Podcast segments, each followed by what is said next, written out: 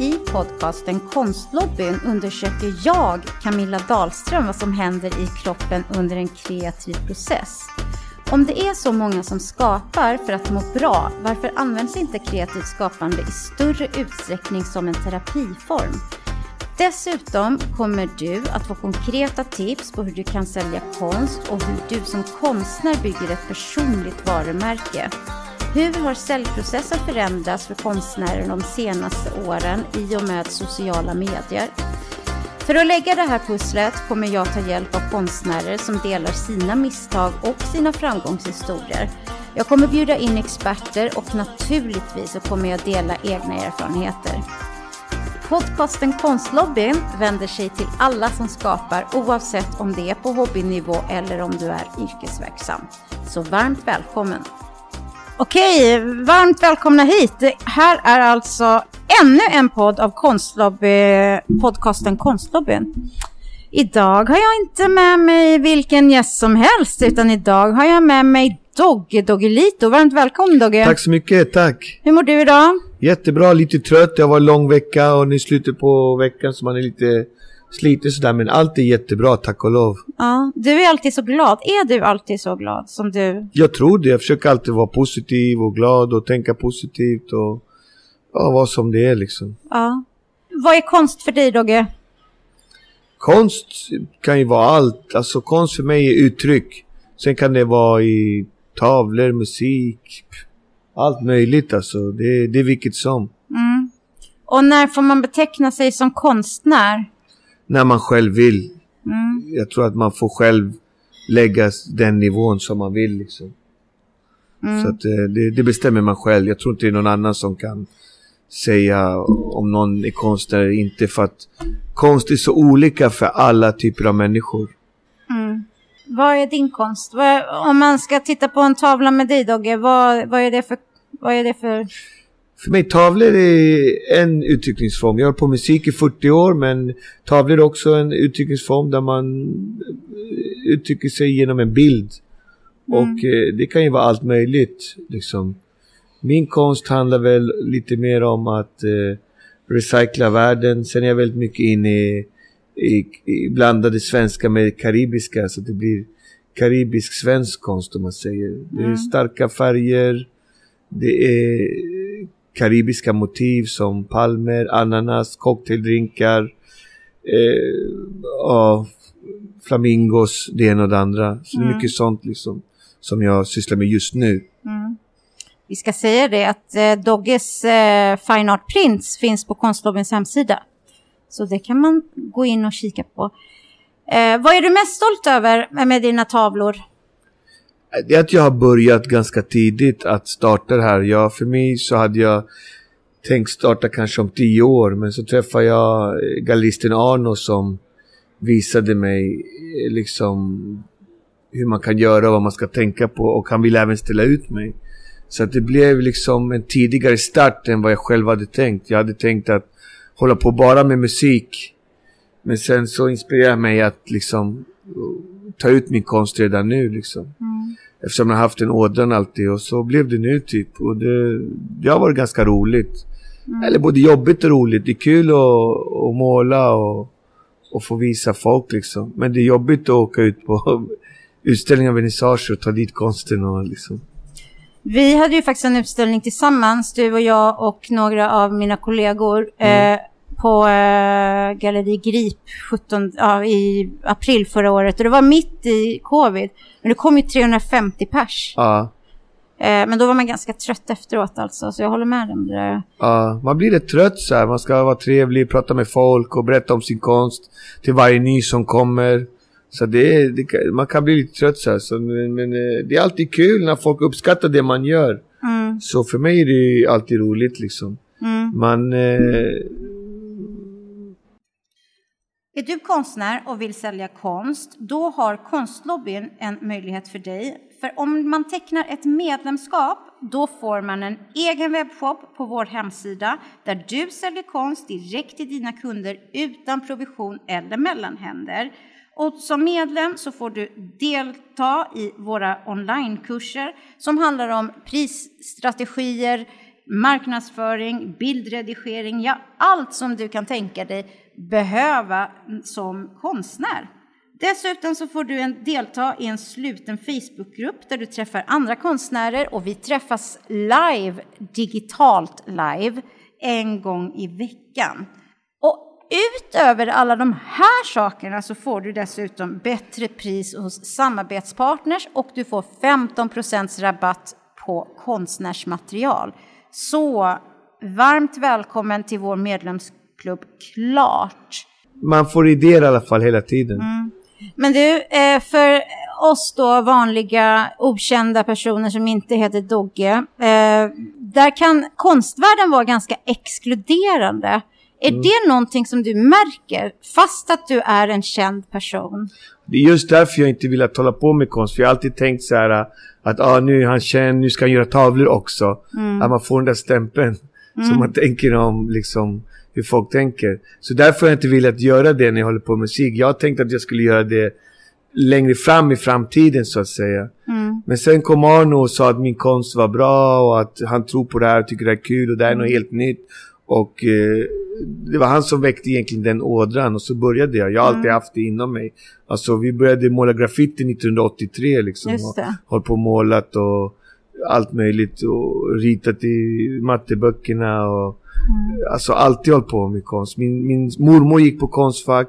Min storbror gick på konstfack. Min morfar mm. var chefarkitekt i Visby och Katrineholm. Så att liksom den ådran har alltid funnits där och jag har vetat det själv. Mm. Det är bara att jag inte velat göra det just för den orsaken att man, folk tänk, ska tänka sig ah, ah, nu ska han måla också. Liksom. Men mm. eh, det var faktiskt Arno som, som inspirerade mig faktiskt. Jag är väldigt mm. tacksam för det. Mm. Det varit, jag började väl för tre år sedan, eller två år sedan vad det blir. Mm. Och det har varit väldigt kul faktiskt de här åren med tavlorna och det. Det är mycket jobb dock. Är det akryl du målar med eller? Äh, jag gör, jag, min grej just nu är att samla skräp som folk kastar och göra konst utav det. Så recycla världen. Mm. Och sen målar jag med spray egentligen. Liksom. Jag mm. grundar med spray. Och sen samlar jag skräp som papper, tomhylsor, kapsyler, eh, björknäver. Allt som man hittar som folk inte vill ha, vill bara kasta. Försöker jag liksom göra konst av. För idén var att man skulle ta upp allt skräp från haven i världen och bygga konst istället av det. kanske skulle bli världens största konstverk men mm. liksom, det var liksom idén att eh, recycla världen, göra konst av skräpet liksom. Mm, mm. Det är idén. Och sen har jag gjort en liksom mera personlig resa genom att jag körde svenska med karibiska. Eftersom mamma är svenska, pappa är karibenier så blandar jag de två kulturerna liksom i min konst. Det mm. lite identitet sådär. Mm. Häftigt. Du, eh, det är jättemånga som eh, börjar måla när man behöver så här, förändring i sitt liv. Ja. Eh, och för mig var det likadant och det blev en terapi och ja. eh, en livsventil. Ja. Målar du också i terapeutiskt syfte? Nej, jag målar bara för att jag tycker om att måla. Så jag har alltid haft den här ådan genom att skapa. Jag mm. skapar låtar, skapar musik, jag skriver mycket, ritar mycket. Så det är bara ett, ett, en till uttryckningsform liksom. Mm. Det är bara det. Så det är, mm. inget, eh, det är inget mer med det liksom. Jo, Dogge, tror du att man kan få ungdomar att inte välja droger och kriminalitet i sitt liv genom att eh, låta dem skapa mer och förebygga den vägen i livet? Det tror, tror jag. jag. Absolut. Jag tror träning, musik, konst, alla de, alla former där man har någonting att göra mm. håller en ju borta från gatan och droger och negativa saker. Alltså, mm. Jag brukar säga åldern mellan 15 och 25 år är ganska känsliga mm. i ungdomars liv. Om man kan få dem att göra någonting mm. utan att droga eller kriminella så är det bra. Sen om det är boxning, basket, måla mm. tavlor eller mm liksom rappa eller det spelar ingen roll vad det är. Bara de gör någonting så är det mycket bättre än det, det negativa som finns där ute liksom. Mm. Bra. Då ska jag eh, jobba vidare på det. Um... Det tror jag. Jag tror att det kan vara jättebra terapi för mm. vissa vilda själar liksom. Det är jag mm. helt övertygad om. Mm. Vi kanske ska ha en sån uh, utbildning. Konst med Dogge. Med, för Absolut. ett gäng killar. Nej. Uh, du, uh, de som vill börja måla då. om man vill börja måla, en nybörjare som eh, vill börja måla, ge mig fem, tre tips. Ge mig tre tips på vad du Nej, säger. men om man vill Roger. börja måla, det är bara att börja. Man ska inte vänta på något liksom. Det jag har lärt mig i alla fall, skaffa bra verktyg. Och det är liksom materialet, bra material, bra färger, bra penslar, bra skräp, bra tavlor, bra grunder, allt sånt. För det underlättar ju sen när du ska måla. Det finns inget värre att, om man inte har det man behöver när man ska skapa liksom. Mm, Så att eh, det skulle jag säga, skaffa det så blir allting mycket lättare och roligare framförallt. mm, Men man kan göra konst av allt i stort sett.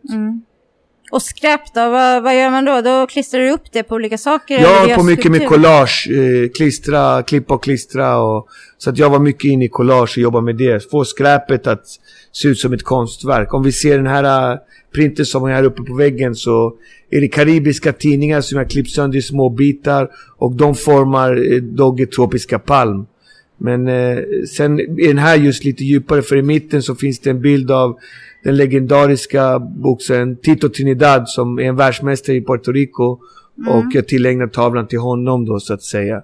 Så man kan ju använda både eh, bilder och texter och tankar i allt man gör liksom. Mm, Så att han var ju en hjälte när jag var liten liksom. Och så dök han upp i den här tidningen som jag på att klippa sönder. Då blev det att jag tillägnade den till honom så att säga. Så att mm, på vägen i skapandet kommer man på saker också. Du, eh, vi har pratat lite i tidigare poddar om eh, konstnärer, hur man ska bygga personliga varumärken. Om man är konstnär, ganska ny, okänd, vad, har, du någon, har du någon strategi? På, har du något tips? Vad ska man det göra? finns ju egentligen ingen genväg. Alltså vill du vara konstnär, du måste jobba hårt liksom. Mm. Du måste måla, du måste vara ute och promota dig själv, du måste göra reklam, du måste säga till folk, uppmärksamma folk, visa din konst. Här är jag, alltså.